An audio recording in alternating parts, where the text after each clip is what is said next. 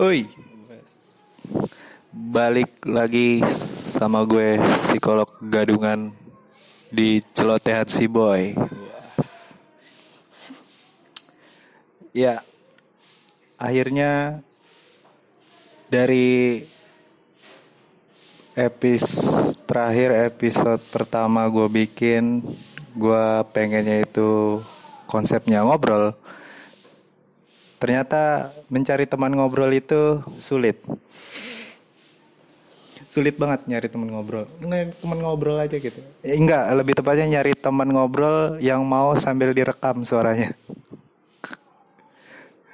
Itu sulit banget. Mungkin karena ini belum ada duitnya ya. Kalau ada duitnya paling mereka ngejar-ngejar gue.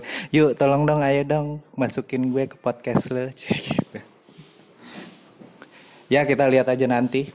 Kalau memang uh, audio and demand ini dapat menghasilkan uang berapa banyak orang yang akan menghampiri saya dan memohon untuk masuk ke podcast saya? Ya kali ini gue mau ngebahas tentang keluarga. Bukan karena ingin menyambut filmnya filmnya uh, uh, Marcella FP yang nanti kita cerita tentang hari ini enggak. Tapi mungkin gue terinspirasi gitu.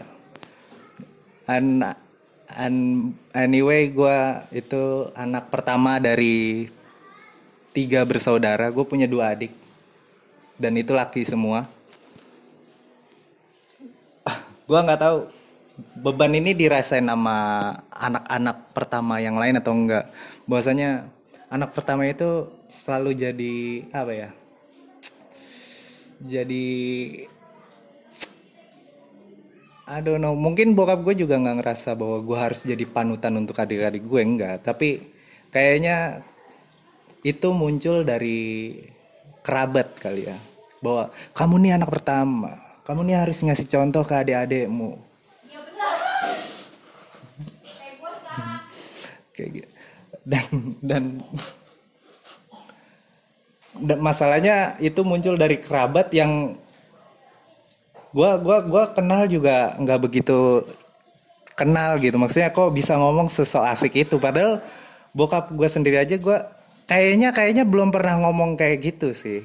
Atau bahkan berharap juga nggak kayak gitu. Maksudnya dia ke anak-anak yang lain dan termasuk gue juga ya udah mungkin karena laki-laki kali ya semuanya. Jadi berharap ya udah lu lakuin aja apa yang lu bisa. Tapi gue cuma bisa ngomong bahwa uh, sometimes lu punya tanggung jawab nantinya gitu. Bahwa ya lu boleh untuk untuk untuk untuk untuk punya idealisme yang lu harus bangun. Lu harus punya uh, keyakinan yang harus lu jalanin gitu. Lu boleh nggak nurut sama gue tapi lu nggak tinggal di hutan gitu. Lu harus harus harus harus harus minimal harus bisa menghormati apa yang orang lain orang lain yakini selama ini sebagai tradisi gitu. Bahwa laki-laki itu yang nantinya akan uh, sometimes a man is to be uh, a leader. Gue gue gue mikirnya kenapa harus laki-laki yang menjadi pemimpin gitu emang harus gitu.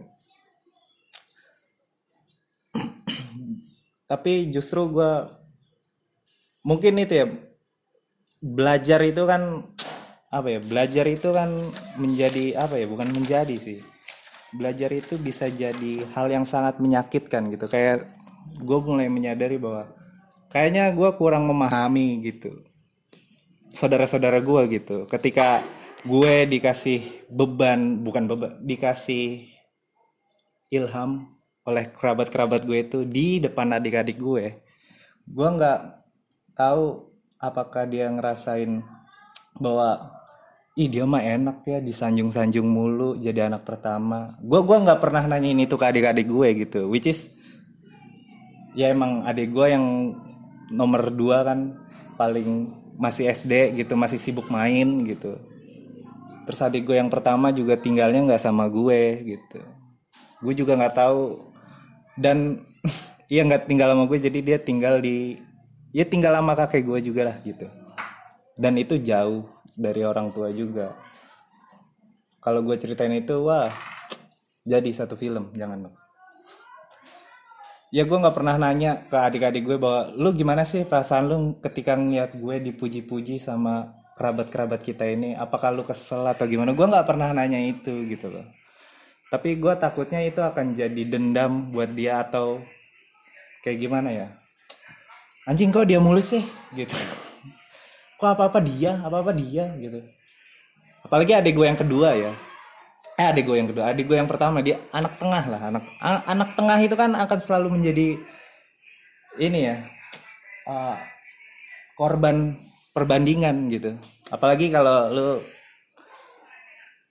masalahnya lu punya kakak yang yang which is uh, itu bakal jadi uh, acuan lo gitu kan. Acuan si anak kedua ini terus lu punya punya punya punya adik gitu kan. Yang di mana mungkin dia bisa lebih menonjol dari dia gitu kan. Terus dapat pujian juga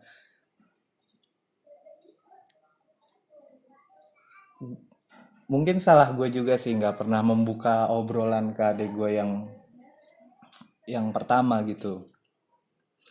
Bahasanya apa yang selama ini dia rasain karena selama ini tiap kali gue ketemu gue canggung mau ngobrolin apa. Ya walaupun gue sedikit tahu tentang kesukaan dia soal bola voli lah terus soal modif-modif motor itulah dengan temen-temennya. Terus sekarang katanya lagi sibuk ngeband dan gue happy dengarnya gitu. Karena dia nggak kayaknya ketika gue tanya mau nggak bercita-cita jadi polisi atau tentara? Dia nggak mau dan gue happy.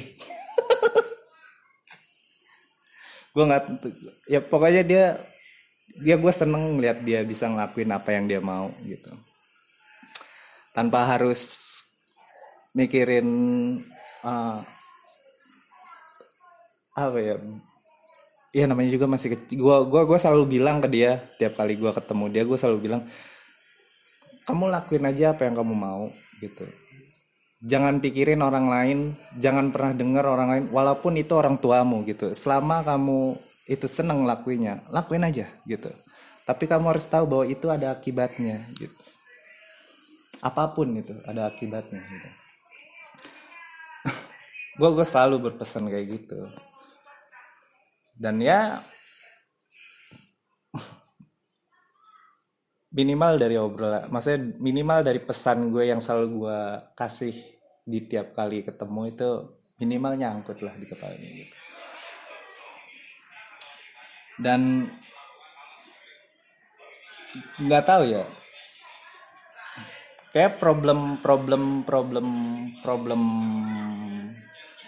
kurang harmonisnya keluarga sekarang-sekarang ini kayaknya uh, dari cara komunikasinya gitu yang kalau menurut gue kurang kurang kurang kurang kurang balance gitu.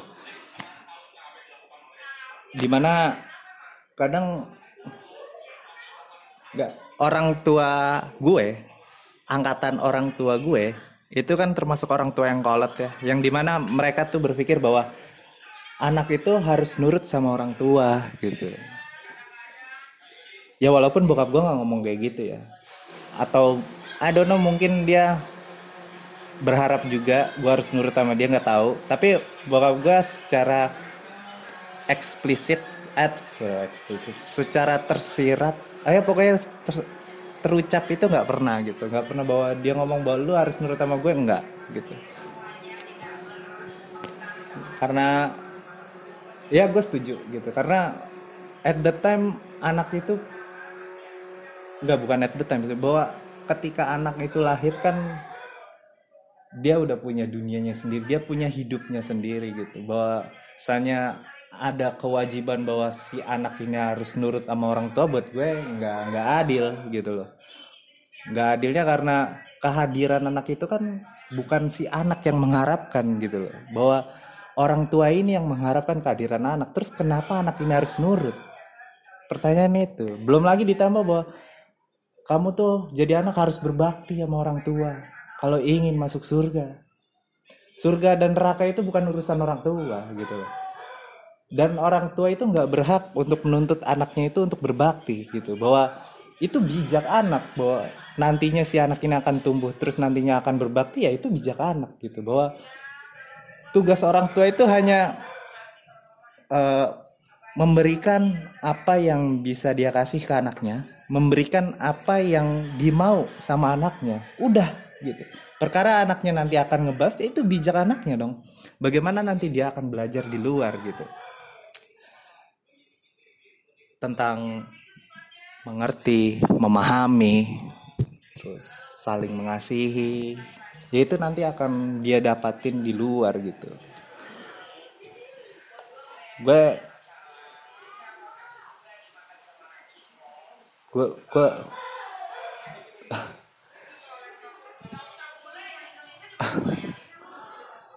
gue nggak tahu sih masih banyak gak sih orang tua yang berharap bahwa anaknya itu akan berbakti terus sama dia gitu. Sekarang ini. Hanya untuk dinilai sebagai anak yang baik ya. Buat gue kayaknya nggak gitu deh. Masalahnya kalau terus nurutin orang kemauan orang tua emang sih kadang uh, rayu rayuan bujuk rayu orang tua itu kadang menarik tapi kayak tai sih lama-lama. Iya dah contoh contoh bujuk rayu orang tua itu sangat menarik itu di mana ketika kamu mau nggak uh, gini gini. Bujuk rayu orang tua nih uh, uh, uh, saya mau misalkan gini eh saya lagi bokapku biasa ngomong saya kamu saya kamu gitu. Uh, gini ayah mau beli bakso nih kamu mau nggak itu kan bagian dari bujuk rayu gitu. Itu menarik dong. Tapi kalau tiba-tiba tapi juga kadang bujuk rayu orang tua kan juga ngeselin nyebelin ya. Karena kamu kapan nih kak umurmu udah segini. Kamu mau sampai kapan? Begini begini begini. Ah tai.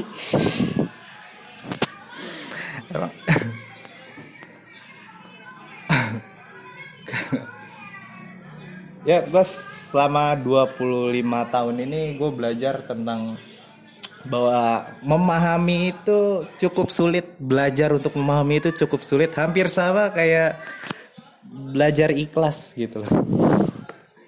Kayaknya gue belum bisa untuk memahami. Gue nggak mau dicap sebagai orang yang bisa menerjemahkan segala sesuatu yang ada di depan mata gue gitu. Termasuk apa yang diinginkan orang tua gue. Makanya selama ini gue ke orang tua gue tuh kalau misalkan pengen sesuatu ya ngomong gitu uh, kamu kamu kamu emang gue kadang kelepasan sih ngomong sama bokap, uh, bokap gue tuh kamu saya kamu saya gitu. Kamu kalau misalkan mau sesuatu bilang ke saya gitu. Nanti insya Allah saya akan penuhi insya Allah saya akan usahakan gitu. Tapi ya kalau nggak bisa ya mari kita bersama-sama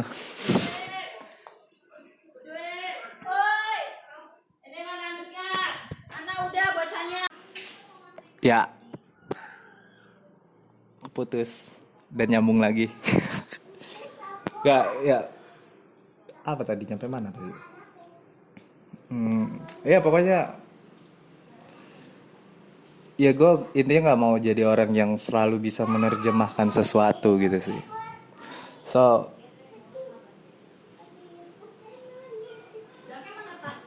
nah ngomong-ngomong ten tentang anak tengah nih ya anak kedua gitu gue nggak tahu ini dialamin juga sama anak-anak kedua yang lain atau enggak cuma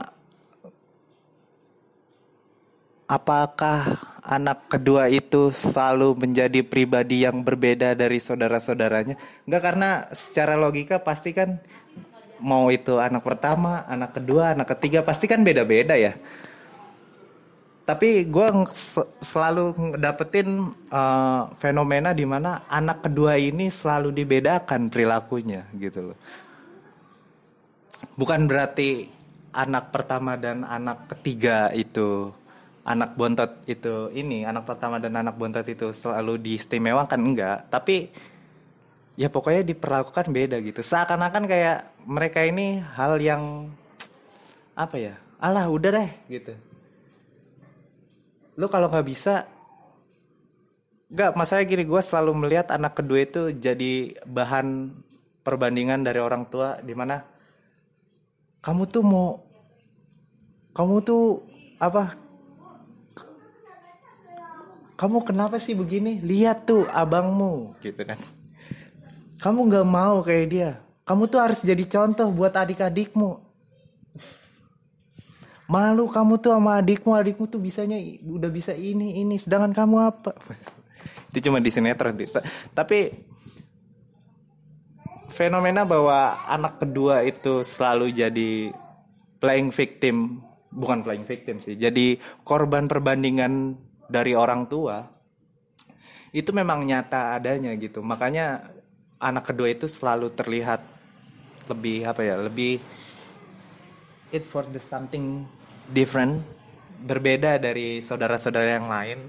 Bukan berarti hanya saudara itu berarti sama nggak juga sih. Beda juga nggak apa-apa gitu. Cuma kayak anak kedua itu kayaknya spesial gitu buat kayaknya gitu. Nah masalahnya apa yang spesial dari anak kedua ini nggak bisa dilihat dengan oleh orang tuanya gitu. Mereka bingung mau bersikap sama anak kedua ini kayaknya ya ini kalau misalkan gue puji juga nanti anak yang keti anak yang pertama dan anak bontot gue iri. Mungkin itu kepikirannya. Tapi kalau misalkan gue selalu uh, memuji-muji anak pertama dan anak bontot gue ini anak kedua ini nanti bakal kayak gimana ya? Masalahnya kan obrolan yang kayak gitu nggak pernah terjadi di di di di atas meja makan maksudnya di di lingkaran meja makan gitu bahwa bahwa apa sa apa saja yang dirasain gitu loh sama anak kedua. Mereka tuh selalu jadi pribadi yang kayaknya bitter gitu. Gue ngerasanya. Anak tapi ya gue nggak tahu itu terjadi juga sama adik gue yang pertama juga uh, adik gue yang pertama atau enggak. Tapi gue berharap kalaupun itu terjadi ya minimal gue yang akan membuka obrolan gitu. Dan gue akan meminta maaf bahwa maaf kalau selama ini lu itu terhalang oleh gue gitu.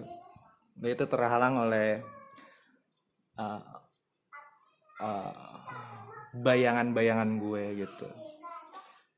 Tapi gue ingat bokap gue selalu ngomong gini ke ke gue dan adik-adik gue gitu.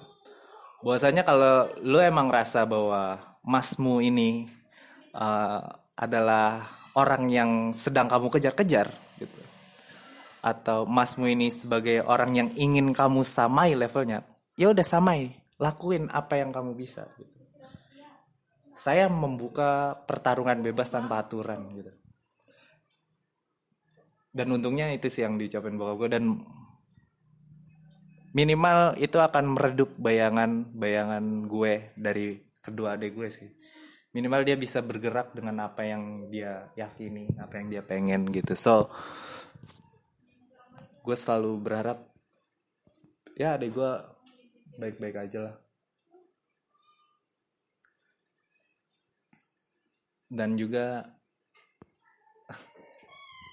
uh, gue gue nggak tau apalagi ya? Tadi gue pengen ngomong apa ya hmm.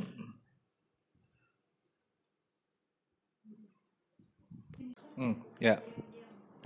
Ini gue inget gue mau ngomong apa. Ini keputus-putus ini nggak apa-apa ya. Ya paling yang dengerin dia mah di anchor cuma satu dua lah. Paling banyak lima. Tapi nggak apa-apa. Uh, gue gue nggak tahu orang orang tua zaman sekarang itu masih berharap uh, berharap kayak anaknya itu jadi something gak sih? Jadi bener-bener jadi sesuatu gitu. Gue sih belum belum ngeliat fenomenanya gitu bahwa anaknya pengen ya kak gue pengen ngeliat anak gue jadi dokter. Udah fokus jadi dokter. Dari sekolah dokter dibiayain segala macem untuk suatu hal yang berbau dokter pengen jadi polisi. Wah di di di di fasilitasi apa pun yang berbau dengan polisi. Pengen jadi sesuatu gitu gue belum pernah lihat orang tua yang benar-benar ngebebasin anaknya gitu. Tanpa harus menjadi sesuatu gitu. Dan orang tua tuh nggak pernah nuntut anaknya untuk kamu jadi dong sesuatu. Gue gue belum pernah ngeliat orang tua kayak gitu. Tapi kalau menurut gue kalau emang ada keren karena jujur orang tua gue juga masih mengharapkan gue jadi sesuatu. Padahal gue cuma pengen yang lakuin aja apa yang gue pengen. Gue pengen berdikari dengan apa yang sedang gue lakuin. Kayak nulis ikut-ikut penelitian terus juga belajar masak. Emang kelihatan setengah-setengah sih cuma gue bisa happy gitu. Cuma kalau emang ada sih orang tua yang gitu buat gue keren. Keren banget.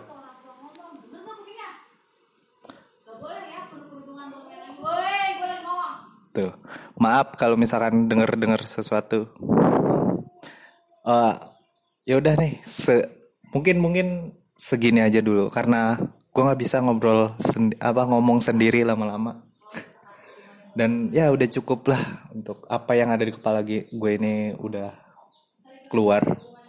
Thank you dan sampai ketemu di lain waktu. Cek gitu. Yuk